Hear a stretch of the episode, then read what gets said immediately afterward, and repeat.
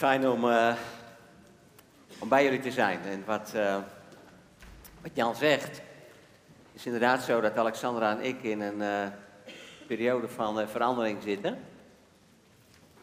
In, in de jaren negentig van de vorige eeuw. Toen waren we hier in Emmeloord. Van hieruit zijn we toen vertrokken naar IJmuiden. En eigenlijk sinds 2005 uh, wij zijn toen uit IJmuiden gegaan en naar Ede verhuisd. En sinds 2005 uh, combineer ik, heb ik eigenlijk een aantal dingen gecombineerd. Waaronder het begeleiden van, uh, van gemeentes in tijden van verandering. Vorige zomer, toen hebben ja, Alexander en ik het eigenlijk zo ervaren dat het goed was om ons weer open te stellen voor een vaste verbinding aan een wat grotere gemeente. Eh, ik moet zeggen, afgelopen jaren was ik ook voorganger, sinds 2010 in, uh, in Wageningen.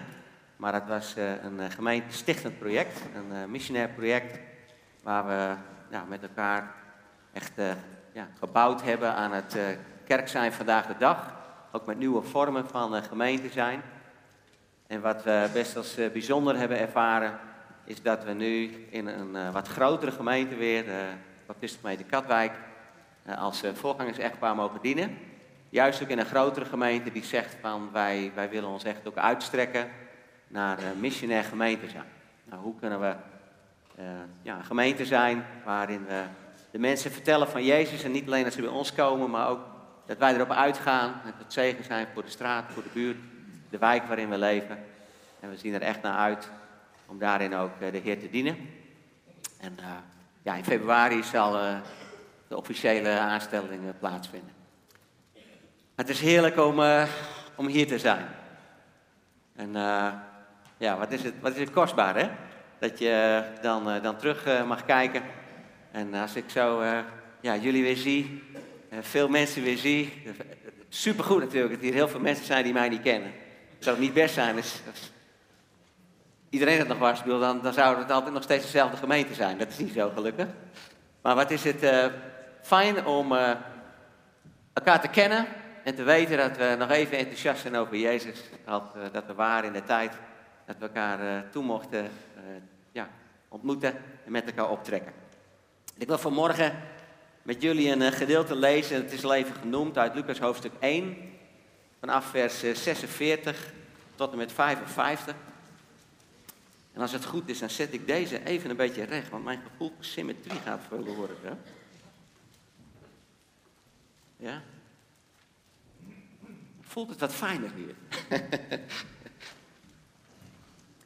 Lucas hoofdstuk 1, vanaf vers 46 eh, wil ik eh, met jullie lezen.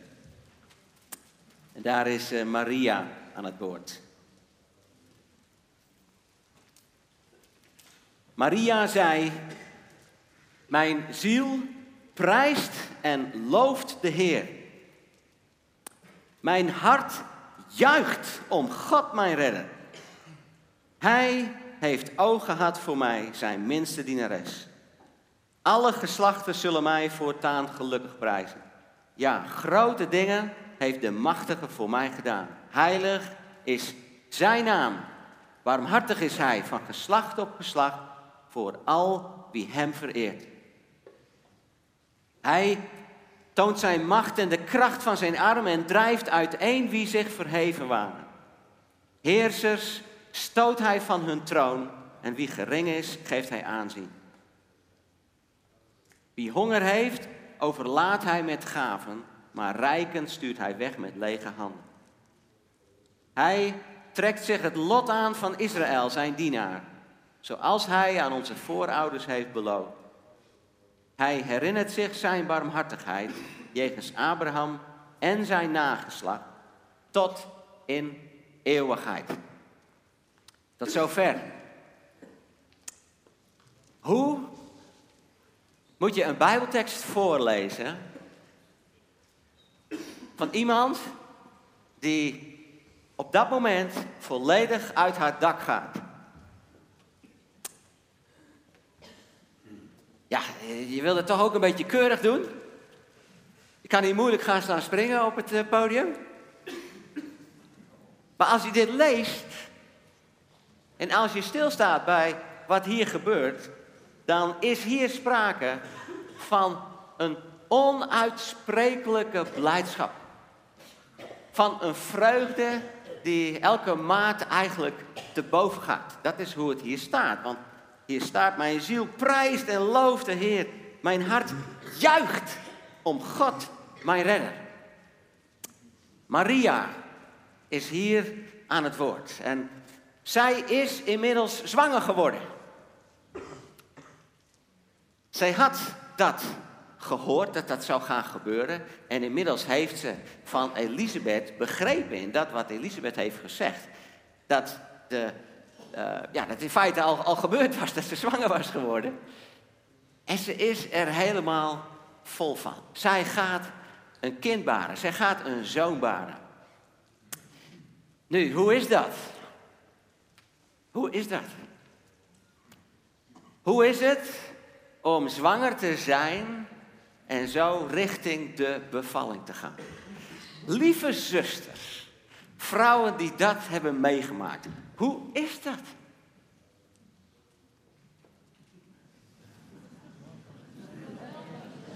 Geweldig hoor ik, ja.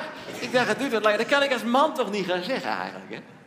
Jullie hebben het gevoeld in je lijf. Geweldig. Nou, nog andere. Sorry? Spannend ook, absoluut, absoluut. Ja, en we realiseren ons natuurlijk dat als het gaat om zwanger worden, als het gaat om de bevalling, dat daar heel veel omheen kan spelen. En dat we daarin ook heel veel hoop en verlangen kunnen hebben die niet uitkomt, dat daar pijn en verdriet is. Maar ik denk dat we ook met elkaar, als we ons verplaatsen in Maria, ons kunnen voorstellen dat dit voor haar ja, zo groot was. Ik heb in voorbereiding op deze prediking nog even met Alexandra over gehad. Alexandra, weet jij nog hoe dat was? Toen wij dat voor het eerst meemaakten. En toen we uitzagen naar de geboorte van Tirza, onze oudste dochter, die dus inmiddels 29 is. Ze zei, Jaap, voelde mij extreem verheugd. nou, niet helemaal met die woorden. Maar er was wel zo van, het was zo, zo geweldig. Als je dat mag meemaken. Maria is er vol van en die zingt hier, die zingt hier. En ik wil hier met jullie over nadenken, omdat hier eigenlijk ook een geweldige boodschap in zit voor ons persoonlijk. En we gaan het zien vanuit het leven van Maria. En wat ik jullie vanmorgen echt op het hart wil drukken, en, en, en, en ook mezelf, dat is dat, je mag zeggen, dat ik mag zeggen vanuit Gods woord, jij bent in beeld. Je bent in beeld. Maria heeft dat ontdekt. Nu, Maria prijst God, ze juicht om de Heer. En dan willen we stilstaan bij de vraag, wat is de reden? En voordat we dan komen op, jij bent in beeld, wil ik jullie meenemen uit naar het tweede gedeelte van deze lofzang, waarin zij eigenlijk het, het breder schetst en laat merken waarom ze zo blij is, omdat ze heeft gemerkt dat God de wereld in beeld heeft. God is een God die naar Maria is gekomen door de engel Gabriel heen. En Gabriel heeft Maria mogen uh, laten merken dat God zijn heilsplan aan het uitvoeren is. Dat hij een plan heeft om in liefde om te zien naar deze wereld die zich van hem heeft afgekeerd. Wij mensen waren in eigen wijsheid onze eigen weg gegaan en verdienden het niet om omgang te hebben met de Heer. Maar hij hield zoveel van ons dat hij zijn zoon heeft gezonden. Die als kind geboren zou worden, die de mensenzoon zou worden. We gaan het vieren komende week in het kerstfeest. En die zoon, Jezus Christus, zou zijn leven gaan geven op Goede Vrijdag. En hij zou gaan opstaan uit de dood. En wij zouden zo de kans weer krijgen om hersteld te worden in de relatie met de Heer. En Gabriel heeft Maria laten weten dat zij het middel zal worden waardoor die zoon van God geboren zal gaan worden. De redder van de wereld. Kun je je dat voorstellen? Dat dat gezegd wordt. Dat jij de moeder zal worden van datgene, van diegene die God verwekt in jou. En wat een redder. Als we kijken naar vers 51. Hij toont zijn macht en de kracht van zijn arm en drijft uiteen wie zich verheven wanen. Heersers stoot hij van hun troon en wie gering is, geeft hij aanzien. Deze zoon die Maria zal krijgen, dat zal de koning van alle koningen worden. In het Bijbelboek Daniel wordt gesproken over de koning die zal komen en dat de machten en de heersers van deze wereld zullen vervallen. Er zal een koninkrijk gaan komen van de koning uit de hemel. En dit is best een ernstig woord naar de heersers van deze wereld. En die kennen we vandaag de dag ook. En we hebben er een aantal vandaag de dag die zich profileren als heersers. Die onrecht doen. Die hun positie van leiderschap gebruiken om over de rug van mensen zichzelf te verheerlijken en aan rijkdom te komen. Nou, als we het journaal bekijken, dan komen ze regelmatig naar voren met woorden van intimidatie en ze gebruiken hun legers en politiemachten en hun financiën om hun onderdanen slecht te leiden. Wij leven in een wereld van verdrukking, waarin vele mensen en volken migreren, vluchten, in onze wereldzeeën verdrinken, omdat ze vervolgd worden. En deze mannen proberen hun macht verder uit te breiden en aan de macht te blijven. Maar wat Maria mag zeggen hier, hij toont in dat kindje wat komt zijn macht en de kracht van zijn arm, drijft uiteen wie zich verheven waren. Heersers stoot hij van hun troon en wie gering is, geeft hij aanzien. Er is maar één koning. Er is maar één koning. En dat is koning Jezus. En dat is een ernstig woord. En in Psalm 2 wordt ons beschreven dat het moment zal komen. Dat al die mensen die zich nu op de borst kloppen. En die hun macht misbruiken. Dat die op hun knieën zullen gaan voor Jezus Christus. En ze zullen het, zoals de oude vertaling zegt, fijn zijn doen. Ze zullen het niet leuk vinden, maar ze moeten door de knieën. Mensen, dit is een boodschap van hoop voor al die mensen die nu te maken hebben met vervolging, die hun land worden uitgezet, die worden gemarteld. Dit is het evangelie van hoop dat er eens gerechtigheid zal komen en dat ze er niet mee wegkomen. Maar dat God zijn macht zal tonen. Wij dienen een God die oog heeft voor sociale gerechtigheid. En wat is er belangrijk om dat met elkaar te weten? Als hier staat wie honger heeft, overlaat hij met gaven. Maar rijken stuurt hij weg met lege handen. Vergis je niet. Al die mensen in deze wereld die rijk zijn en denken ik heb het in de hand. Je hebt niets als je niet rijk bent in God. Mag je dan niet rijk zijn? Nou, zeker wel.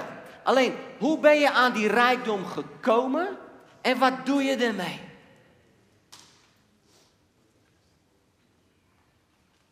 God weet hoe wij aan onze centen zijn gekomen, ook in onze cultuur, ook in onze westerse wereld.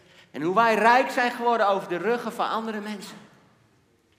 En hoe wij misschien nog wel rijk worden door in alles te beleggen wat gebruikt wordt op manieren die wij niet eens weten maar waar anderen aan ten onder gaan. God is een God die daar oog voor heeft. En God is een oog, een God die oog heeft voor mensen die niets hebben. Het is nogal wat wat Maria hier zegt. Echt confronterend. Het kerstfeest is een fijn feest. Maar wat een confronterend feest ook. Als dit die redder is. En als hij die koning is. Hoe staan wij in het leven? En is onze rijkdom in God? En gebruiken wij dat wat hij ons heeft toevertrouwd tot zijn eer? En die redder trekt zich ook het lot aan van Israël, zijn dienaar, zoals hij aan onze voorouders heeft beloofd. Hij herinnert zich zijn barmhartigheid jegens Abraham en zijn nageslacht tot in eeuwigheid. Maria is er helemaal vol van dat God oog heeft voor de wereld. Juist ook door weer om te zien naar Abraham en zijn volk. Het volk Israël. Het volk dat inmiddels zo onder de heerschappij stond van de Romeinen. Die zo verlangen hadden dat de Messias zou komen. De redder.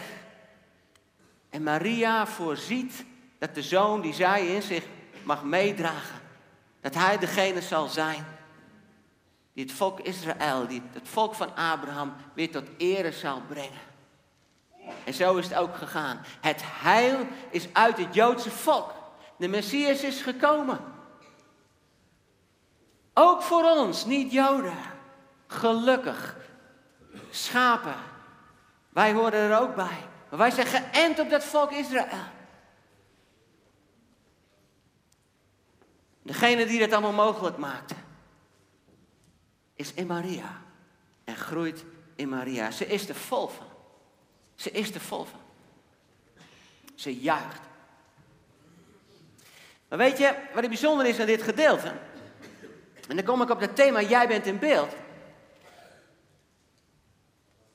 We merken in deze lofzang dat dit alles een hele persoonlijke dimensie heeft voor Maria.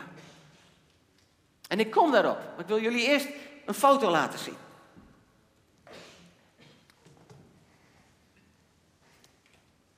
Dit is een foto van Jessica Bijvang. Nou, dan zeg je misschien, wie is Jessica Bijvang? kan ik me voorstellen. Jessica Bijvang, die stond een aantal weken geleden in het dagblad Trouw. de krant die wij eh, thuis lezen.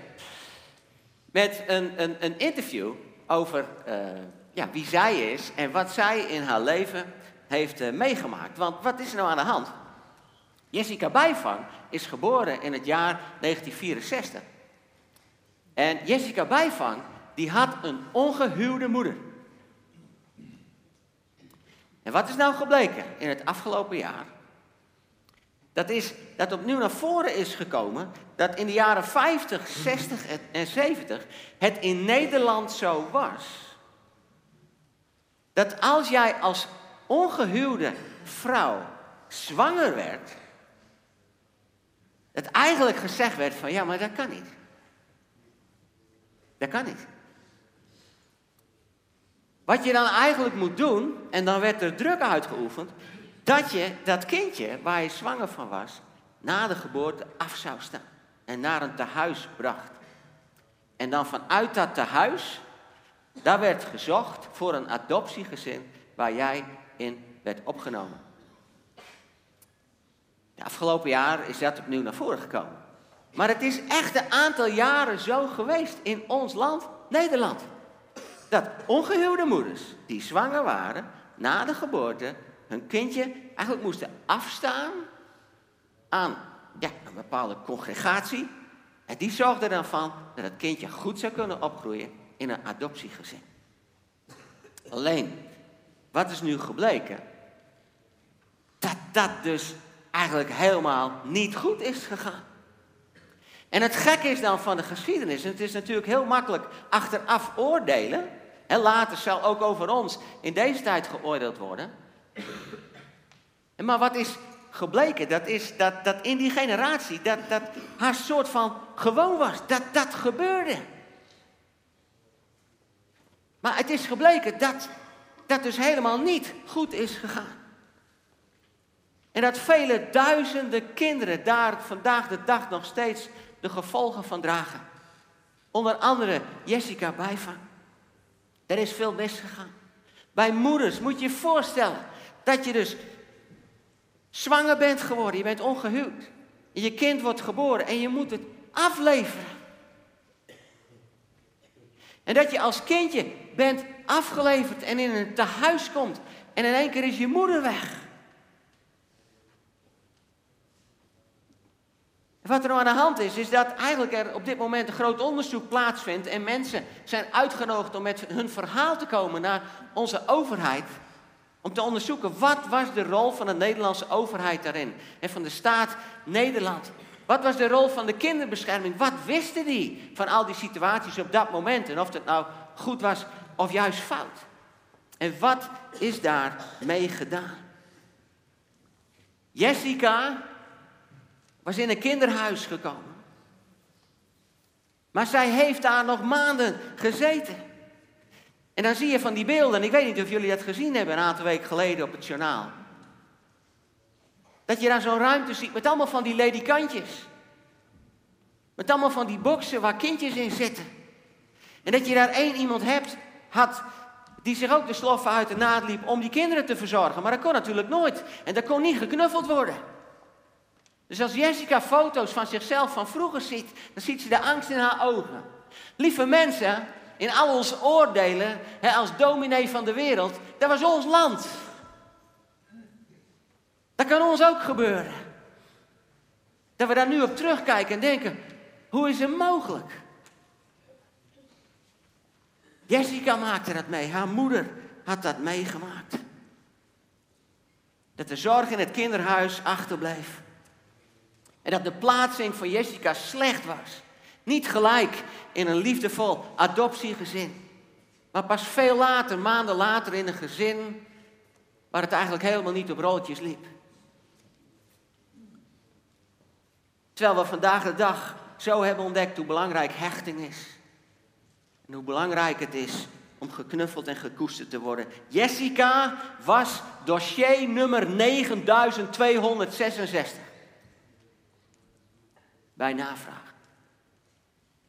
En zij heeft ontdekt dat van de jaren 1967 tot 1970 er geen gegevens meer waren. Want bleek, waarschijnlijk was degene die daar toen ja, op, op, uh, voor zorgde, die werkte niet meer voor de organisatie. En wat zij zegt is, ze zijn mij gewoon vergeten. Wat gebeurt er nou met een mens? Als er één ding is wat duidelijk wordt, wat is duidelijk is geworden, dan is het dat wij mensen de behoefte hebben om te weten dat wij gewenst zijn. Dat er iemand is die ons heeft gewild.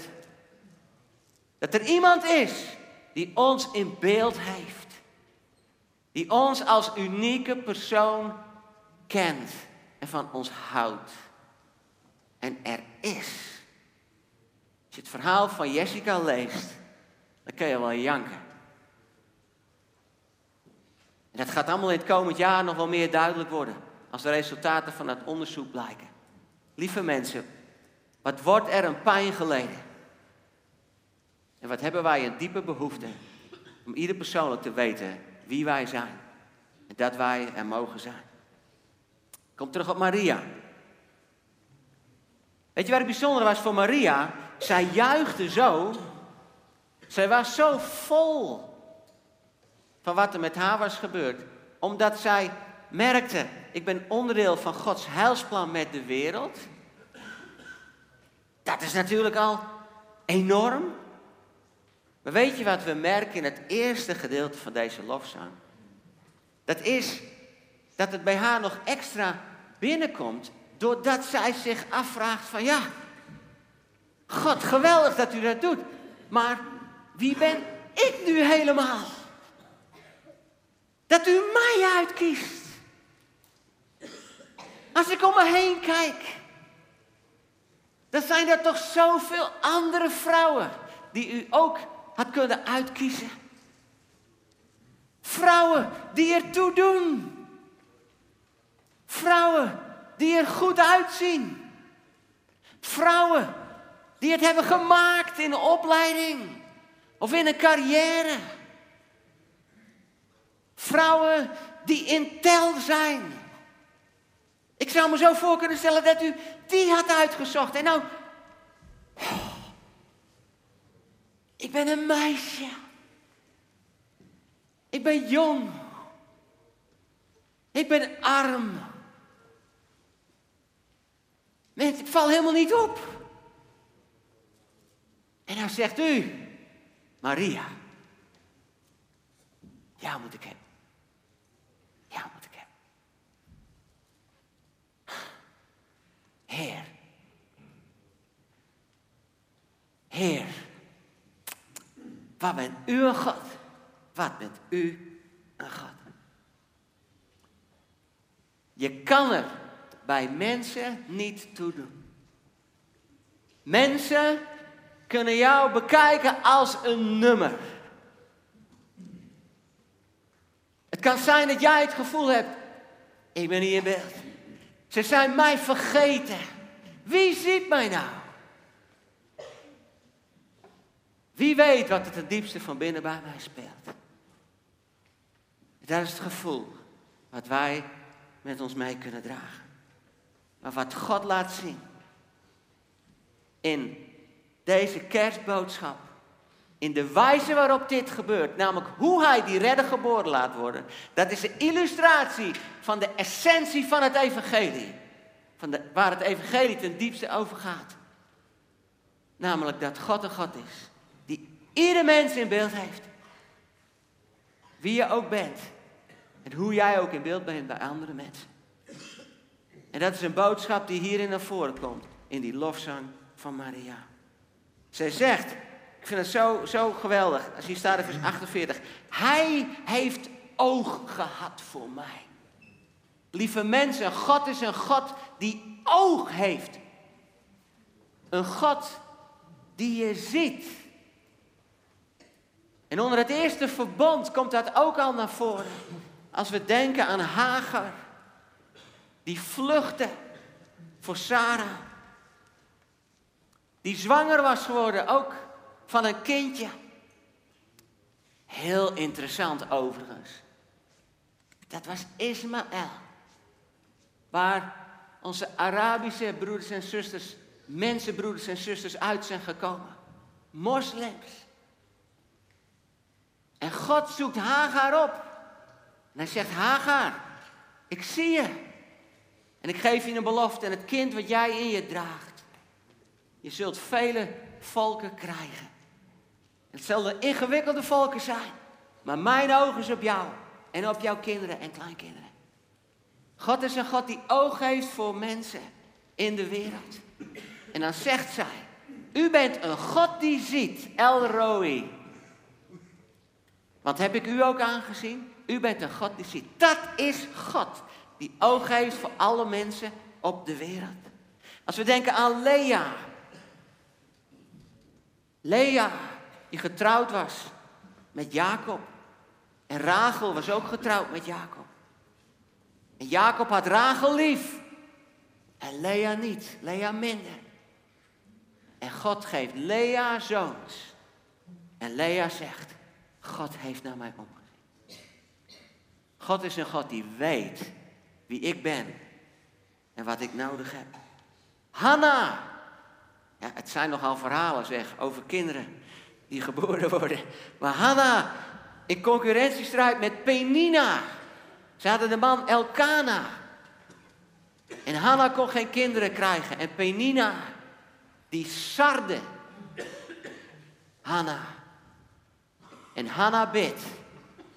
En zij krijgt Samuel en staat hem af aan de Heer. En wat zegt zij? De Heer heeft mij vreugde gebracht. Als je hier zit vanmorgen en je hebt in je hart iets van, ben ik in beeld. En wat houdt het leven in? Als je misschien deze beelden ziet hier vanuit deze zaal, van achter je toestel of computer of hoe je het ook bekijkt. En jij hebt het gevoel, ik sta er alleen voor. Er is een God die jou ziet.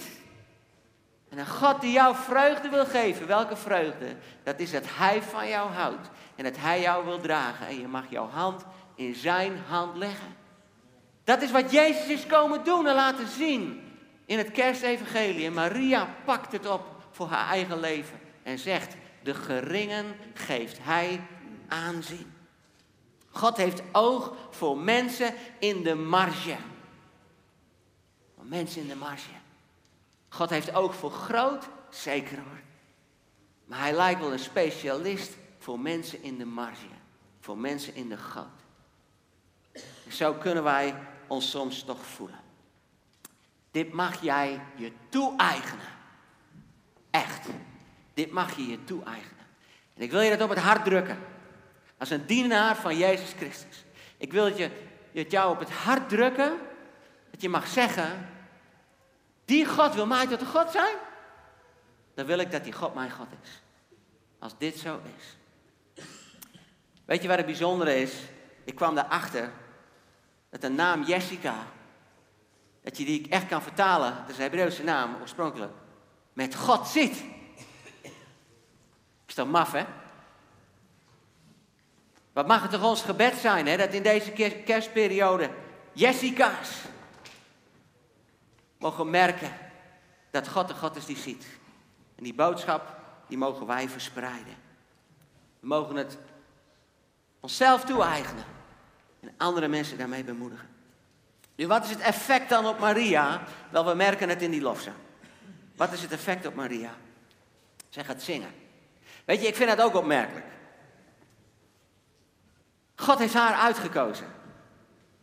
En realiseert zij zich, ik in mij staat. En wat doet ze dan? Wat ze zou kunnen doen, nou, hier komt Jaap Ketelaar naar voren. Ik zou me dat kunnen voorstellen. Ze denkt, ah, zo hé. Dat is toch best bijzonder. Dat God mij uitzoekt. Zie je wel? Ik stel toch echt wel wat voor. Ik, ik, ben toch eigenlijk ook best wel bijzonder. Ah. Hey. Kijk eens even. Kijk eens even wie ik ben. En wat er dan subtiel kan gebeuren, dat is dat mijn ego centraal komt te staan. Je ziet dat nog wel eens om je heen. Ik weet niet of jullie dat opvalt. Het komt waarschijnlijk omdat, ja, ik zo in elkaar zit en dan vallen zulke dingen op. Hè. Zo gaat dat. Hé, maar, uh, Henny Huisman? Henny Huisman? Kent iemand Henny Huisman nog? Ja? Mag ik vingers zien? Ja, ja. Niet alle vingers, maar dit zal Henny goed doen. Dit doet Henny goed. Dat wij hem nog kennen. Want wat merk je nou bij Henny in het nieuws? Hij heeft natuurlijk zijn toptijden gehad bij de Soundmix Show. Wie kent die niet meer? Tenminste, ja, de mensen die dus die tijden niet hebben meegemaakt. Henny heeft er zo'n probleem mee vandaag de dag nog steeds. Dat hij niet meer gevraagd wordt voor grote shows. Raymond van Barneveld. Onze kampioen in darts. Oeh, het ging niet zo best op het WK. Hij zou op afscheid toeren en hij vloog er in de eerste ronde uit. En wat zegt hij? Ik ga mezelf dit nooit vergeten. Vergeven. Deze man die heeft geglorieerd. Die het week die darts op de kaart heeft gezet in Nederland. Die heeft er moeite mee dat hij nu tijden heeft waarin het niet meer lukt. En hij gaat nog een afscheidstournee doen. En hij noemt het zijn laatste reis. Mijn laatste reis. Weet je wat dat inhoudt? Wij dienen als applausmachine voor mensen. Mag ik het even heel plat zeggen? Zo kan het zijn toch? Dat de mensen om jou heen dienen als een applausmachine voor jou. Dat jouw ego centraal staat. In zo'n wereld leven wij, waarin we proberen te scoren en zoveel mogelijk likes eigenlijk te krijgen. En dat kan er gebeuren op het moment dat God dan in jouw leven werkt. Je denkt van, goh, ik ben toch wel heel bijzonder. En dat je een soort van, uh, ja, ministry krijgt en dat ik maar groot word. Nou, ik, ik, ik vergroot dit, ik, ik maak dit even groot om juist te laten zien hoe dat bij Maria werkt. Het ging Maria niet om haar glorie, nee, zij ervoer de dankbaarheid naar God. Want ze zei, hij heeft oog gehad voor mij, zijn minste dienares. Alle geslachten zullen mij voortaan gelukkig prijzen. Maar vervolgens geeft zij de eer aan de Heer.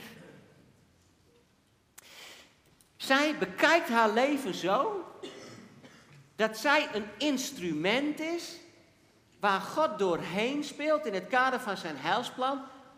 Maar wat eruit voortkomt is tot zijn eer. Niet het instrument staat centraal, maar de God die dat instrument bespeelt. En dat vind ik zo fantastisch. En dat is zo'n geweldig voorbeeld voor ons. En daarom kennen wij deze lofzang als het Magnificat. Mijn ziel maakt groot de Heer. Hij staat centraal. Eerder al had ze gezegd: Laat gebeuren wat u wilt met mij in mijn leven. En nu zegt ze: Heer, wat bent u groot? Ik ben in beeld, maar nu plaats ik u in beeld. En dat is het Evangelie. Het Evangelie draait om God. Het Evangelie draait om de eer van Jezus Christus. En Hij werkt in mijn leven. Hoe is het mogelijk dat ik in beeld ben? Maar opdat ik vervolgens tot de eer van Jezus zal leven. En wat is het dan belangrijk en geweldig dat wij die eer mogen doorgeven aan andere mensen die eer voor Jezus en onze vreugde in Hem vinden. We gaan het kerstfeest vieren. Komende week. En wat mag dat een geweldige bemoediging zijn voor ons allemaal. God heeft de wereld in beeld en Hij heeft ons in beeld. En nu mag het voor ons zo zijn dat wij vervolgens zeggen: Oké, en dan heb ik God in beeld. God in beeld.